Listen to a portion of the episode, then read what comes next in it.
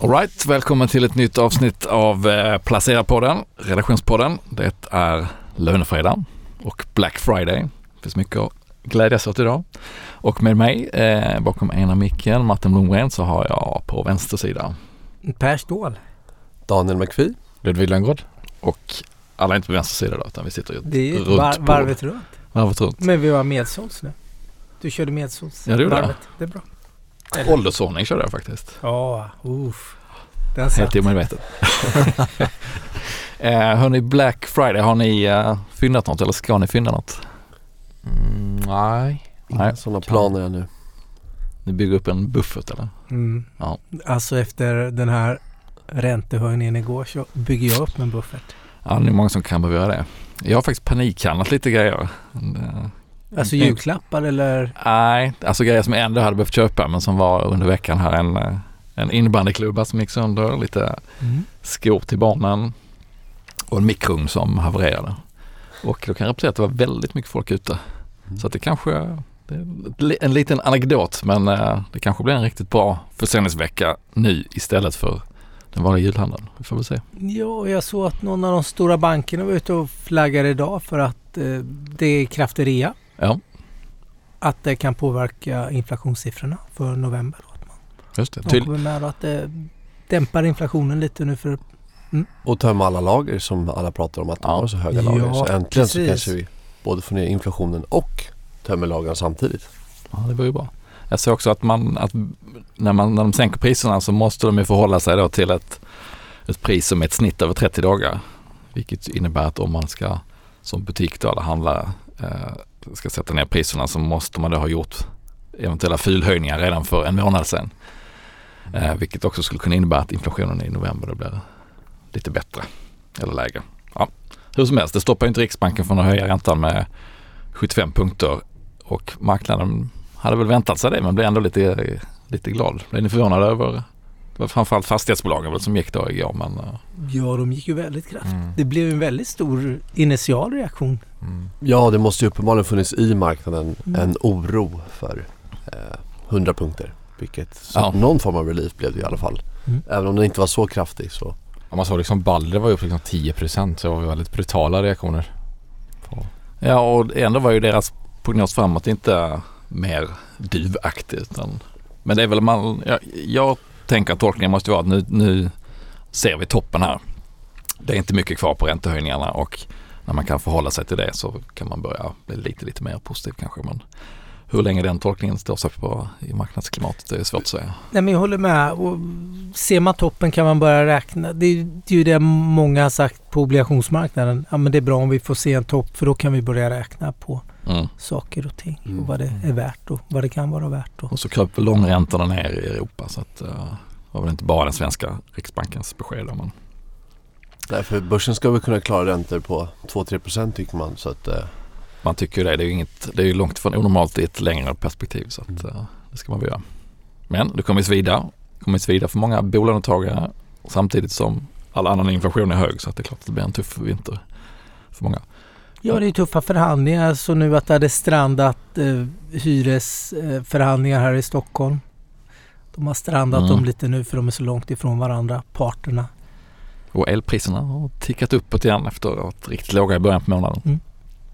Ja, det är mycket som rör sig där ute men eh, Per, jag vet att du tittade på skillnaden mellan värdebolag och tillväxtbolag som ju har varit fördel tillväxt i väldigt många år men nu har det svängt. Ja, nu har det svängt. Och det har svängt med besked i år.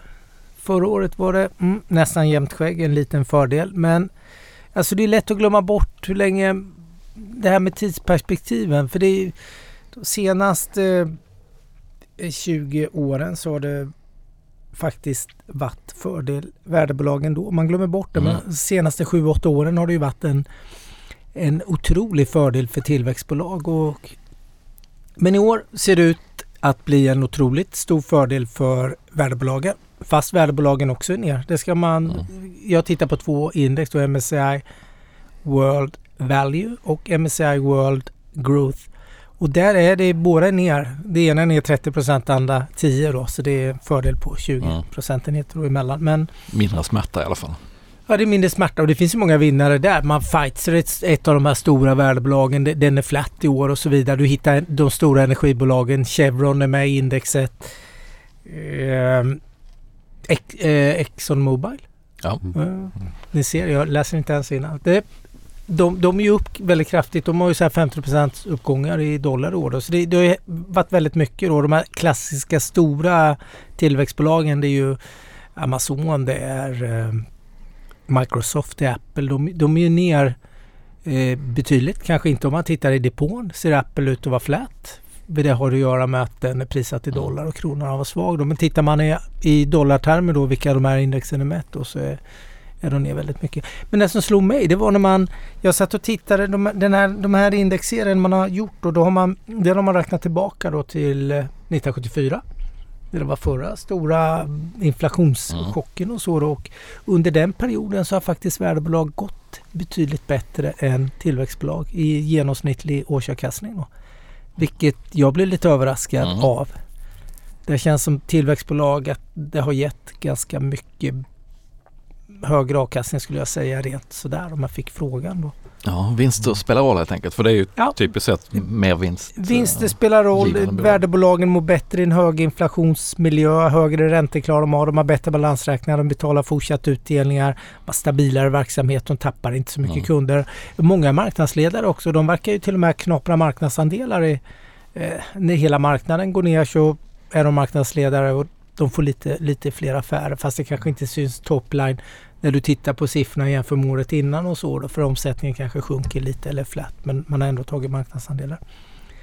Jag tyckte det var jätteintressant. Jag pratade med några förvaltare om det och de säger så här, ja men det här eh, det, det här är ju fakta. Så här ser det ut. Men det som är intressant är, menar de, att tillväxt går bra i fyra, fem, sju år eh, och sen tenderar värde att gå bra under ett antal år då. Mm. Mer än två år, det är inne på andra året nu då. Mm.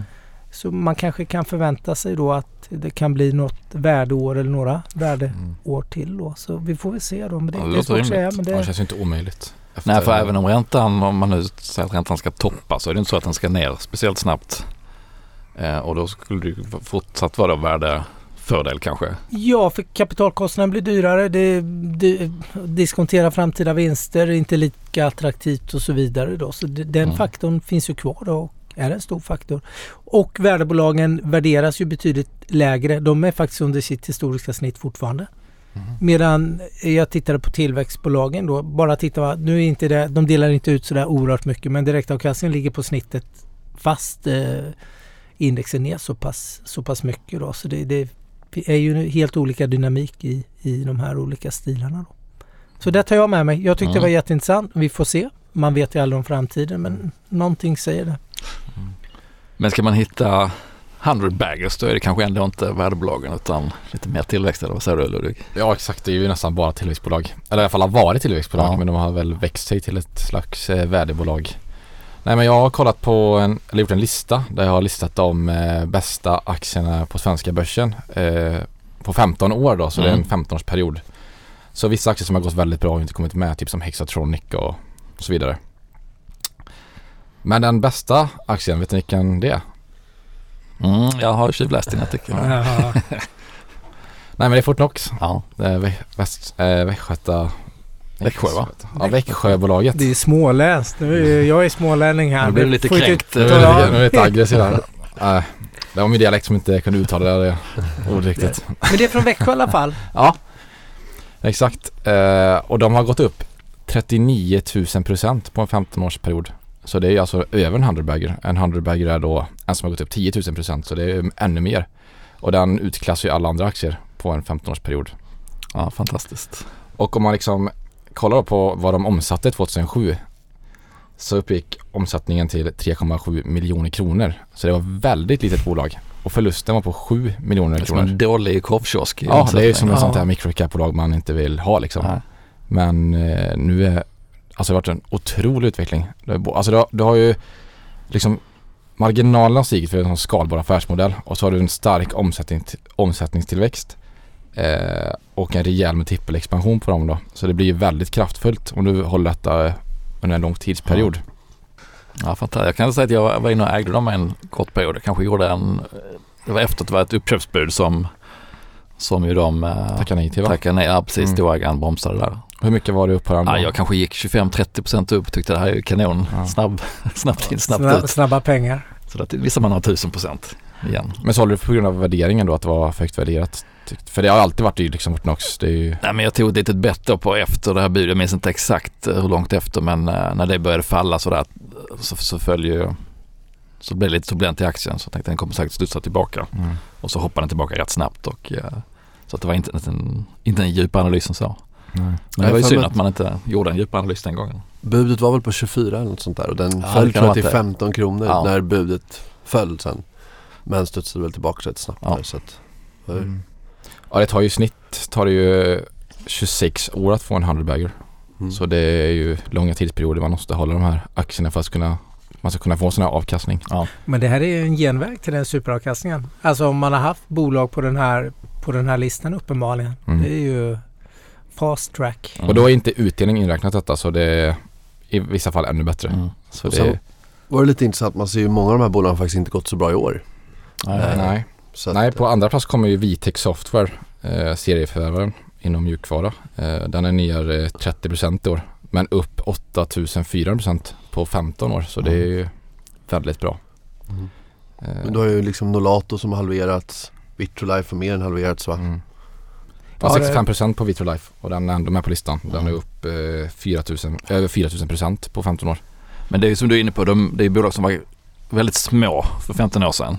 Det är svårt att då gå in på ett stort värdebolag och, och Mm. tänka, eller ett bolag som har ett jättestort eh, market cap och hoppas på den Precis. utvecklingen. Så att man måste ju leta bland de riktigt små bolagen. Mm. Ja, det skulle inte vara några som täcker dem liksom ens Nej, oftast. och där finns ju en, en del exempel på någon som inte går. Och de flesta går ut skogen. Det är många som går ner Ja. 100% också. Kan man säga. Ja. Men det, vi pratade lite om listan. Man slås av, det finns huvudägare i alla i princip. Det är mycket kött och blod. Mm.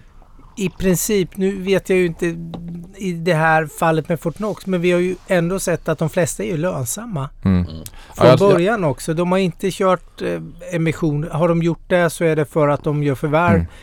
Men det har ju inte varit så mycket olönsamma bolag, Ja, jag tänker såg- jag på. Jag såg ju någon, eh, eh, någon rapport där om vad, alltså hur många som är lönsamma från början av de här 10 baggers. Alltså inte 100 baggers utan nu snackar vi om han- 10 baggers. Mm. Alltså sådana, har gått, sådana som har gått upp 1000%. Då var 8% av dessa lönsamma från dag ett.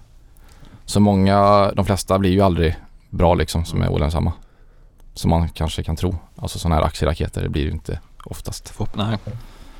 Eh, Men det förvånar mig också att det var mycket fastighetsbolag, eller några fastighetsbolag med- på listan. Både Sagax och Balder är med på listan liksom.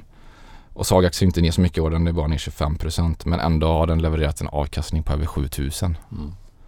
Och Balder är också med på listan, den är upp eh, 2000% på 15 år och är ner 55% i år.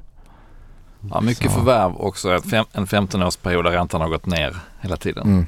Men starka ägare Och starka ägare. Ja. som Mm. eh, är kvar och sitter Ja. i styr bolaget också. Mm. De är operativa som... eh, Och bra insiderägande också. Mm. Mm. ja, exakt. Eller investmentbolag. Bure är också med på listan. Eh, Och de har ju aktier i Vitrolife så. Just det. Men Latour är inte med på listan. Den Nej, de kommer, de kommer, lite, de kommer precis lite under där. Lite precis. under. Ja. Mm. Men den är också ner väldigt mycket år. Den är väl halverad nästan. Ja. Så list, den här listan har ju sett ganska mycket annorlunda ut om man skulle ta den från förra året. Då hade det varit väldigt mycket bättre aktiekurser. Mm. För det blir ju ganska känsligt när eh, ja, aktien rör sig lite uppåt. Då går det ganska många procent. Det har nog varit lite fler fastighetsbolag. Absolut, mig. absolut. Mm. Men har ni ägt många bolag på listan? Jag tänkte på det här. Vi prat, Martin nämnde, han har varit inne, jag har ju varit inne i några av de här också och sålt med sådär, tyckte jag, väldigt god förtjänst som uppenbarligen med facit i hand nu inte var särskilt Ja, nej, jag tror inte jag har varit inne i så många fler av dem. Ja, Jag har ju ägt också Fortnox där men det var nog någon samma historia där att man Ja. köpte och hade väl gjort 30-50% och tyckte att ah, det här kanske är lite dyrt. Och, Tyckte man var king. ja exakt. Mm. Eh, och eh, BRF har jag också ägt under några år. Ja, det har jag också faktiskt. Ja. I Corona vet jag. Mm. Eh, när den halverades väl om inte mer. Den blev också en sån 20-30% men eh, den borde man också hållit för det Mm. var hade nog varit en dubbling i alla fall. Mm. Men Per, du har väl haft några stycken? Ja, jag har ju ägt BRF också och den har jag nog förlorat pengar på till och med. Jaha, det är så? Ja. Ja. Men jag har ju gjort samma som er. Jag har ägt Vitec, tjänat ganska bra. Dubblat sig och sådär och sålt och tycker hög värdering. Det här kan inte fortsätta för evigt. Eh, Niba är kvar.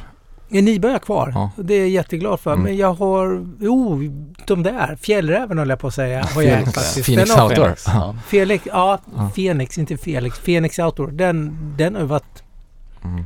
också sådär. Ja. Men gått ut lite för tidigt. BRF. Ja. Varit in och ut. Var inte bra. Mm. Så det är lite sådär. Det handlar ju om att hålla kvar. Jag har bara Nibe kvar som jag har ägt väldigt länge på den där listan. Mm. Men ni som har varit med ett tag, det är, alla de här bolagen har väl kännetecknats för att alltid varit dyra? eller? Ja. Och det är väl också något man kan ta med sig. Att Mm. Bra bolag tenderar att vara dyra. Mm. Mm. Kvalitet kostar. Mm. Mm. Ja det går ju att växa in i värderingar men, Mm. men man måste ju vara extra vaksam på om, det, om caset fortfarande håller eller inte. Mm. Men eh, Daniel, Confluent, amerikansk tillväxt, kommer de att vara på den här listan om Ja, då får du nog 15 mer, år, kanske mer än 15 år, 30 år. Men Ja. Det var ett spännande bolag, kan du bara kort uh, Ja exakt, Nej, men Confluent den bygger, eller det bolaget bygger egentligen på open source-plattformen Kafka. mm, Eh, och Kafka möjliggör, det är liksom en, open, en öppen källkodsplattform som möjliggör för bolag att hantera sin data och realtidsströmma data i, real, i realtidsströmmad data eh, genom här, bolaget. Eh, och det här blir allt viktigare i, i form när allt fler bolag eh, blir väldigt dataintensiva och alla produkter blir väldigt dataintensiva.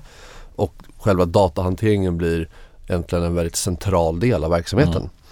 Men de som startade eller satte upp hela Kafka-plattformen det är faktiskt grundarna till Confluent. mm. Så att det var tre personer som jobbade på LinkedIn eh, och de såg hur när plattformen växte och antalet användare växte så fick de väldigt mycket problem med datakommunikationen i bolaget. Eh, och då satte de upp den här open source-plattformen Kafka eh, för att då kunna realtidsströmma eh, data i LinkedIn på ett ännu bättre sätt. Sen så såg de utmaningar med den plattformen också och att den, är väldigt ja, intensiv att hantera och dyr. Och då 2014 så hoppade de av LinkedIn och startade då Confluent som bygger på själva Kafka-plattformen och har olika tjänster och produkter som gör att Kafka-plattformen kan användas mer kostnadseffektivt och bättre och snabbare och säkrare egentligen. Mm. Så att de hjälper företag att använda Kafka-plattformen kan man säga. Och det här har gått väldigt bra eh, får man ju säga. Ehm, de växer väldigt starkt ehm, och de hade eh, en, framförallt så deras cloudlösning växer väldigt snabbt. Den växer över 100% och står dessutom eh, till 40% av totala omsättningen. Så att det är inte någon liten del som bara växer utan det är faktiskt börjar bli en, en allt större del.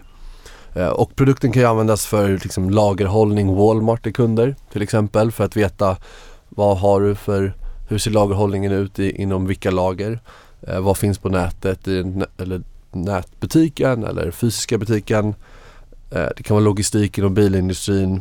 Eh, det kan till och med vara fraud och upptäcka fraud i banker för det måste gå snabbt. Mm, Mycket mm. handlar om att hitta dat- eller få datan i, i rätt tid. Så att om du får datan var 24 timme då när du får datan så är den inaktuell.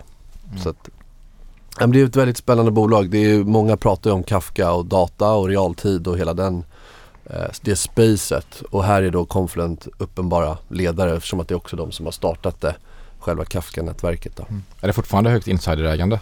Ja, eh, 20% insiderägande, däremot 10% blankat. Ja. Det ska man ha med sig. De bränner ganska mycket pengar får man säga. Eh, de fram, under hela 2022, då första tre kvartalen har de bränt 140 miljoner dollar. Men de har 2 miljarder i kassa och kortfristiga eh, tillgångar. Då. Så att det är inte så att de kommer behöva ta in pengar eh, närmsta tiden kanske. Men det är ingenting man kan förvänta sig vara lönsamt kommande åren. Nej. Är aktien ner mycket i år då? Ja, det är ju ett av de här som noterades i techhåsen 2021. Eh, så att den är ner 70% i år. Men då får man också säga det att den kommer från väldigt höga nivåer och väldigt Mm. höga värderingar. Den ligger väl på ja, åtta gånger sales nu för innevarande år vilket också fortfarande inte är billigt. Apropå om det blir ett värdeår nästa år eller tillväxtår Ja. nästa år. Eh, men eh, ja, de, eh, i, på, i Q3 här nu så fick de en uppgång på 17%. Jag såg också att de gick väldigt bra här i onsdags tror jag det var. Det var stängt igår. Just. Eh, så att folk hoppas väl kanske Mm. på någon form av vändning. Men ja, det är ju såklart väldigt hög risk med tanke på just att de inte är lönsamma och det vill man ju kanske helst ha i det här klimatet. Spännande, men landar du i någon konkret rek sådär? Nej det var ingen typisk, eller det var ingen konkret köp eller sälj Nej. utan det var mer en kommentar kring eh, bolaget och Upp på bevakningslistan. vad de gör. Ja men jag tror absolut det är någonting man kan eh, följa. Eh, det är väldigt spännande. Mm. Kul. Jag dök ner lite i vinstprognoserna på de stora bolagen på Stockholmsbörsen här efter, nu har det gått två veckor är det väl sen Astra var väl sist ut på de stora bolagen på OMXS30. Så nu har analytikerna haft lite tid på sig att trumla igenom sina Excel-ark så där. Så jag tittade hur det ser ut på, på de 30 största bolagen helt enkelt. Eh, och vinstprognoserna sen sista september, alltså slutet på tredje kvartalet, är då ner i år med 2% och ner 2023 års vinstprognoser också ner 2 Tyckte det var, alltså det var ju starka rapporter men jag tyckte ändå det var lite förvånande att 2023 har stått emot så bra givet all, allt elände i makroväg. Vad tror du är anled- anledningen till det då? Ja men det är en viktig faktor är att bankerna, alla fyra bankerna kommer med bra rapporter. De här räntehöjningarna driver ju deras räntenetto. Så att i, i alla de fyra storbankerna så har analytikerna skruvat upp eh, vinstprognosen rätt ordentligt både i år och nästa år. Eh, och sen har många av de stora verkstadsbolagen kommit med stabila rapporter. Långa orderböcker, man har valutan med sig. Och man kan väl också säga att i årets vinster så finns det en del nedskrivningar på grund av Ryssland och besparingsprogram och sådär. Vilket gör att nästa års vinster ser faktiskt ut att öka, nettovinster då, ser ut att öka med 13 procent. Vilket låter helt bisarrt med tanke på att vi går, går in i en, i en förmodad recession. Men, men delvis då för att det är nedtryckt i år men också för att ja, bankerna och de andra, många av de stora verkstadsbolagen håller emot. Så att det, den här bilden är ju lite på kant med hur illa det ser ut för konsumenter och för, eh, för ekonomin i stort. Så Ja. det, det är spännande att se om det håller för det, det är väl många som tror att vinstprognoserna bör, kommer behöva hyvlas ner mer men, men rapporten är ju stöd faktiskt för de som, som tror på en lite mjukare landning ekonomiskt. Eller för bolagens vinster i alla fall. Så det tyckte jag var lite spännande. Kanske får se större korrigeringar efter Q4 då om det har hänt mycket nu eller efter i, i början på nästa år. Absolut, det kan ju vara så om, om man ser att orderböckerna inte fylls på så, så är det ju fem kvartal här då innan man är i slutet på 2023 som, ska, som man ska ta sig igenom. Men eh, åtminstone ett litet, ett litet stöd för börsen att eh, det ser inte ut att bli en sån här vinstkollaps som man kanske många trodde i somras kommer det åt. Men finns det några bolag som har reviderats ner mycket? Alltså, Ja men det är några som sticker ut. Electrolux är ner rejält och jag ska säga att det är nettovinsten jag tittat på här. Det är inte någon justerade ebitda exklusive kostnader utan det är liksom sista raden. Eh, och de kom ju med ett stort besparingsprogram eh, och engångskostnader för det. Sinch också tog ju en jätte goodwill-nedskrivning så den är ju också ner jättemycket på, på vinstprognosen. På mer på underliggande och sådär så är väl SKF den som sticker ut som negativt som kommer med en rätt usel rapport igen. Där det är rätt ifrågasatt, ifrågasatt eh, ja, deras förmåga helt enkelt att, att klättra upp i verkstadshierarkin. Um, ja, det är väl de som sticker ut då. Sandvik och Alfa Laval. Sandvik ABB är också lite, lite nedskrivningar men där är det också lite engångskostnader. Annars eh, Telia, som vi pratat om tidigare, elkostnaderna har väl överraskat ganska många då. Att det tar så hårt på dem. Och så Ericsson som kommer med rapport också ner. Men som sagt, det är bankerna som, som håller emot och eh, kvalitetsverkstad kan man säga. Atlas och Assa till exempel. Mm. Jag tror Daniel har en liten poäng. Han pratar att vi kanske får se ytterligare lite nedjusteringar. Och jag tänker kronan har ju faktiskt blivit urstark nu. Den har Ja. gått från 11,40 mm, till 10,40 nu. Så jag menar, mm, nu är det extremvärde 11,40 men det, det är ju ändå vad den handlas på nu senaste kvartalet under någon liten period då.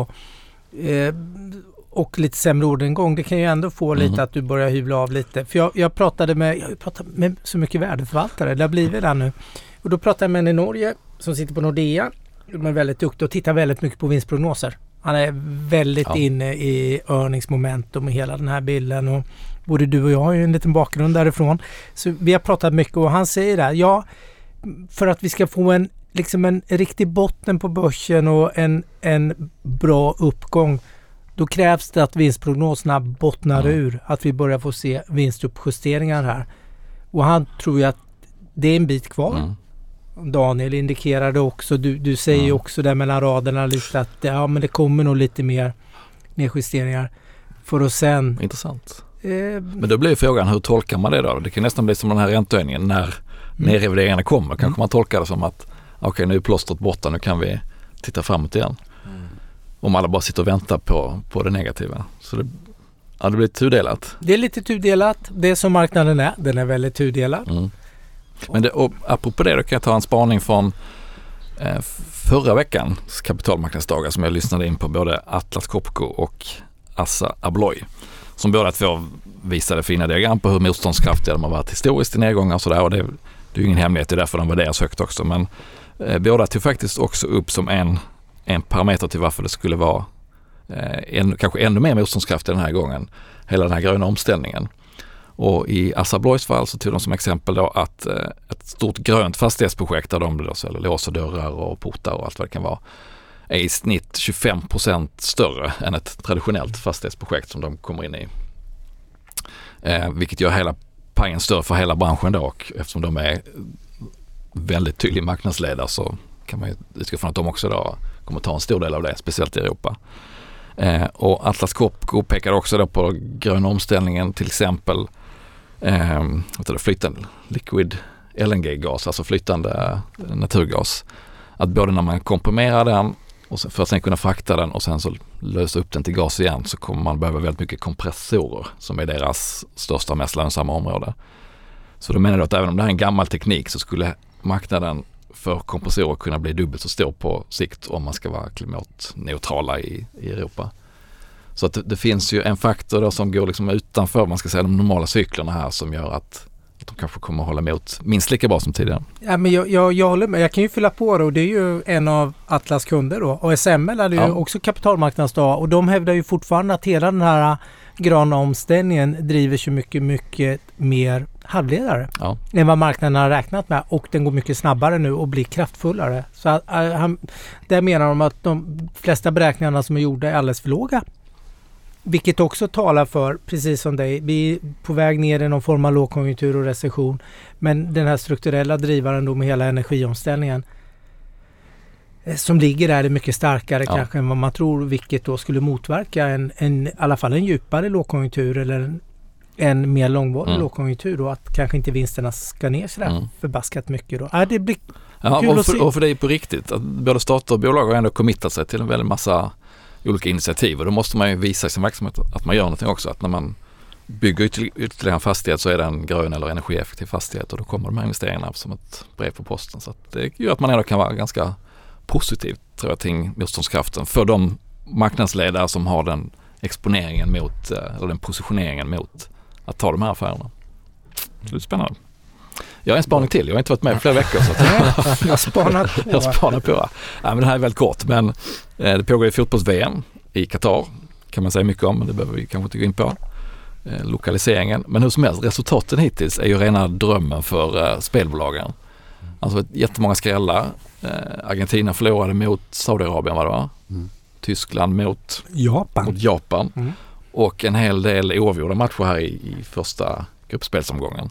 Och oavgjorda matcher är ju oftast bäst för spelbolagen för att man spelar på sina, antingen spelar man på favoriten eller på om man är underdog-laget av sitt land. Oavgjort spelar man inte på för nöjes skull liksom utan det är färre som har lagt odds på det så att det tjänar eh, spelbolagen normalt sett mycket pengar på. Och det borde också innebära att hela gruppspelet kommer leva till sista omgången istället för avgjort efter två omgångar kanske där topplagen har vunnit alla sina matcher. Så det borde hålla liv i spelandet eh, hela gruppspelet och sen går vi in i december och folk kan sitta hemma istället för att ligga i solstolen som det normalt är på ett fotbolls-VM. Så att kanonstart för spelbolagen. Betsson och Kindred borde på marginalen få lite bättre bettingmarginal på det. här. Mm. Och du äger väl Kindred dessutom va? Ja det gör jag. Mm. Så att eh, jag talar i egen betting. ja. Nej men det stämmer väl säkert. Det borde väl gynna dem. Ja, jag intervjuade faktiskt för ett par år sedan eh, betting eller oddschefen på, på Betsson och försökte klämma honom på vad var egentligen det optimala resultatet eller utvecklingen för, en, för spelbolagen. Och då menar han att ett tidigt mål för det ena laget så att folk går in och livespelar då på Ja. att matchen ska vända eller sådär eller att de ska ta hem det. Men sen att det blir ett mål åt andra hållet så att det slutar oavgjort. Så 1-1 är 1-1 med tidigt mål är egentligen det helt perfekta för spelbolagen. Mm. Men det har varit många 0-0 matcher här tror jag Ola, så att, eh, det finns mer att ta kanske. Vad har ni själva gjort då i, i era böcker, aktieböcker? Jag har inte gjort någonting. Min senaste affär var ju Porsche. Ja. Du är inne där nu? Jag är inne och där, den, blev, den har blivit väldigt bra. Över förväntan bra. Jag kör ju lite index, eh, indextrigger. De ska in i DAX 40-index här. Ser det ut som i mitten på december. Och ett annat stort europeiskt index, Stock 600-index. Men Så du det- tycker också den är undervärderad va? Ja, det- sen tyckte det var så här, den gick upp väldigt mycket. Den var uppe i 112 euro nu i veckan här och då tänkte jag nu ska jag göra en kort affär men det gick inte för jag hade några dagar kvar på min affär. Eh, det var 30-dagarsregeln. Ja. Och, men sen insåg jag när jag började räkna lite att jag tror att det var bra att jag hade 30-dagarsregeln för jag hade sålt bort mig. Jag tror, jag tror att den har mycket, mycket mer att ge nu. För den ska få lyxvärdering tycker jag. Den handlas P19 nu. Ferrari handlas på P42. El- Sen har du massor med soft eller mjuka lyxbolag som handlas mellan 25 och 30. Jag tror att den ska upp dit. Den ska upp till 25, 27. Den är inte lika lönsam som Ferrari. Men de ligger längre fram i omställningen till elektriska bilar och de har ultramarginal. De har Ja. ju marginaler så får vilken biltillverkare som helst och bara sitta där och få våta Ja. tankar liksom. eh, så det, jag har lärt mig lite. 30 dagars regeln. Den är bra att ha ibland. Ja, den ja, kan ja. vara bra om man... Den är bra om du ska hitta 100 baggers. Vad sa du? Den är bra om du ska hitta 100 baggers. Ja, som har 30 det är månaders regel. faktiskt. Det kanske inte räcker med en liten. Nej, det kanske inte räcker. Du 15 behöver, du behöver kanske. nog Ja. 3000 dagars regel eller Ja. någonting. Men det vad jag har lärt mig. Jag ska köpa lite Ja. mer har jag tänkt i den. Så det kommer jag fram. Från ett säljbeslut har det blivit ett långsiktigt behåll, ja. köp. Eller behåll och lite mer köp. Vad har Bra. ni gjort då? Ni sitter ju alltid och så aktiva. Ja, jag har faktiskt handlat lite den här veckan. Jag börjar nästan bli tjatig här men jag köpt lite mer Troax igen. men eh, också köpt Alfen faktiskt Mm. som jag skrev om för ett par veckor sedan. Ja, det var väl det vi snackade om förra. eller? Ja exakt. Holländskt. Mm. Elektrifieringen apropå mycket investeringar i Ja, gröna sektorn, innovation inom elek- elektrifieringen, transformatorer, Strukturell tillväxt så det bara dånar om det ligger under där och laddstationer Ja. eh, som eh, växer väldigt starkt och till skillnad från Confluent då, lönsamma. Mm. Eh, så att eh, det ger väl någon form av kudde. Och Men- till skillnad från många andra som gör laddstationer också. Man gör hela, man gör smart grids och hela batterilagring och väldigt, eh, vad jag förstår, har man, ta, har man väldigt stort och starkt paket. Ja exakt, så att de gynnas egentligen av hela trenden Mm. sådär. De är inte särskilt smala så att nej jag tror på det så jag köpte lite noterade i Nederländerna. Ja, numera. Amsterdam, Amsterdam, the best. midcap-bolag. Ja. Ja, men det är en bra börs. Det finns så mycket fina bolag där nere, holländska bolag alltså. Mm. Nederländska menar du? Nederländska. Ja.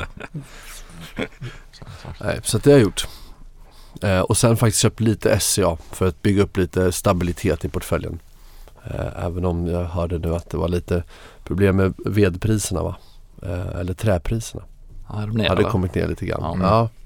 Men eh, det är ett långsiktigt bett så att, eh, Mm. en riktig kassaflödesmaskin så att det blir nog bra. Ett riktigt värdebolag också. Ja, och du har ju sett facit på Ja. indexnivå i alla fall. Du vet du. Värdebolagen outperformar Mm. på en väldigt lång period. Jag har haft ju lite väl tiltat mot tillväxtbolagen kanske så att eh, det är väl bra med lite, Balans. lite båda då. Ja. Lönngård. Eh, Jag har ju egentligen sålt bara. Mm. Jag har sålt eh, Axon Enterprise. Inte allt. Jag har skalat av lite. Är det elpistolerna? Ja, precis. Mm. Det är delvis det och så är det mjukvara till rättsväsendet. Ja. De släppte ju en kanonrapport här nu så de är ju upp nästan, jag tror det är 100% sen botten. Och botten var, vad pratar vi om då? Ja, den var på en 89 dollar tror jag. Den är uppe i Ja, men 190. det, det var den tidsmässigt hur långt? Det var nog... Var den i somras eller? Ja, någon gång i somras Ja. där. Mm. Eh, så den har gått väldigt bra så jag har faktiskt skalat av lite där. Och tänker att jag ska samla på mig lite kassa nu för att hitta lite bättre lägen här nu. Lite mindre bolag tror jag ska gå in i faktiskt. Men, men nu har du varit lite, nu hör man ju lite här att du har skrivit den här listan med de här 39 000 procent eller 36 Mm. och du tänker Axon, du har skalat av men det- Jag tycker värderingen har kommit upp väldigt mycket faktiskt. Jo, men det är ju Ja. ett sånt bolag som man alla gånger kan få se på en motsvarande amerikansk lista, Mm. lista känner jag. Eh, Ja, bara- den, har, den är ju bland de bästa aktierna på Mm. i USA så den har ju gått otroligt bra. Eh, men jag tycker med stock-based compensation är o- alltså otroligt hög i bolaget så försöker få bort lite därifrån. Det är ett amerikanskt otyg som Mm. vi Ja, säger. precis. Det är lite läskigt tycker jag. Mm. Men vi får se. Men det har jag gjort. Bara det har jag gjort. Ja. Du då Martin? Uh, inget denna vecka men jag var ju inte med på någon vecka här så att förra veckan så drog jag ner lite också, lite på din tema där. Få lite kassa, göra framtida affärer. Så att jag sålde faktiskt alltid Electrolux. De gick upp nästan 25 på en månad då när börsen vände. Eh, och det ser väl i och för sig lite bättre ut kostnadsmässigt för dem nu när insatsvarorna går ner och det är lite besparingar och sådär. Men Och dollarn går ner. och dollarn, ja nu har de mycket tillverkning i, i USA så de är inte riktigt som de andra verkstadsbolagen att de är så här tydliga vinnare på det. Men, men hur som helst, jag tror att det, man kanske underskattar hur mycket efterfrågan kommer att, att ha motvind här ett tag till i och med att hus, bostadsmarknaden kommer att vara så tuff. Man byter ju man byter kyl och frys när den går sönder men man gör det också när man köper ny lägenhet eller hus eller när man renoverar. Och just den delen av marknaden som är stor kommer nog vara lite lite sval ett tag. så där sålde jag allt till hem en god kortvinst och sen så har jag minskat lite i Sandvik och lite i Kindred också. Som jag har gått bra. Ehm, Mer för att få loss lite kassa egentligen för att de var stor del av portföljen. Men det var ju bra. Karl sa ju det att du var en indikator på att man ska köpa börsen när du är fullinvesterad och det blev väl helt rätt även den här Ja. gången då. Mm. Ja, får vi se hur länge det håller. Men, och vad har jag mer gjort? Jo men jag halverade mitt Castellum-innehav i samband med de här märkliga dagarna när Akelius var ute och, eh, och högg på vdn och eh, utdelningen sänktes och sådär. Så att, eh, det var också lite grann tema att ta hem en snabbvinst men ändå vara kvar. Mm. Mm. Så att jag har eh, gått upp till 20% kassa ungefär. Tänker mig att börsen eh, har ju gått väldigt, väldigt bra här. Kollade precis innan vi gick in. Upp 8% i november hittills i Stockholm. 6% var det uppe i oktober. Så det har ju varit två riktigt, riktigt bra månader. Eh, jag har väl inte som något huvudspår att det ska ner och krascha igenom den förra nedgången. Eller förra botten. Men kul att ha lite kassa ifall det, ifall det viker lite här. Och man kan, det finns många kvalitetsbolag man kan plocka upp de här perioderna när det blir surt. Så, att, eh, så det har jag gjort. Ja, Mm. en hel del. Mm. Nej, men ska vi runda av och eh, skicka, skicka ut oss själva på Black Friday snart. Det tycker jag. Tack för att ni lyssnade. Tack, tack. Tack Trevlig och hej. Hej. Tack.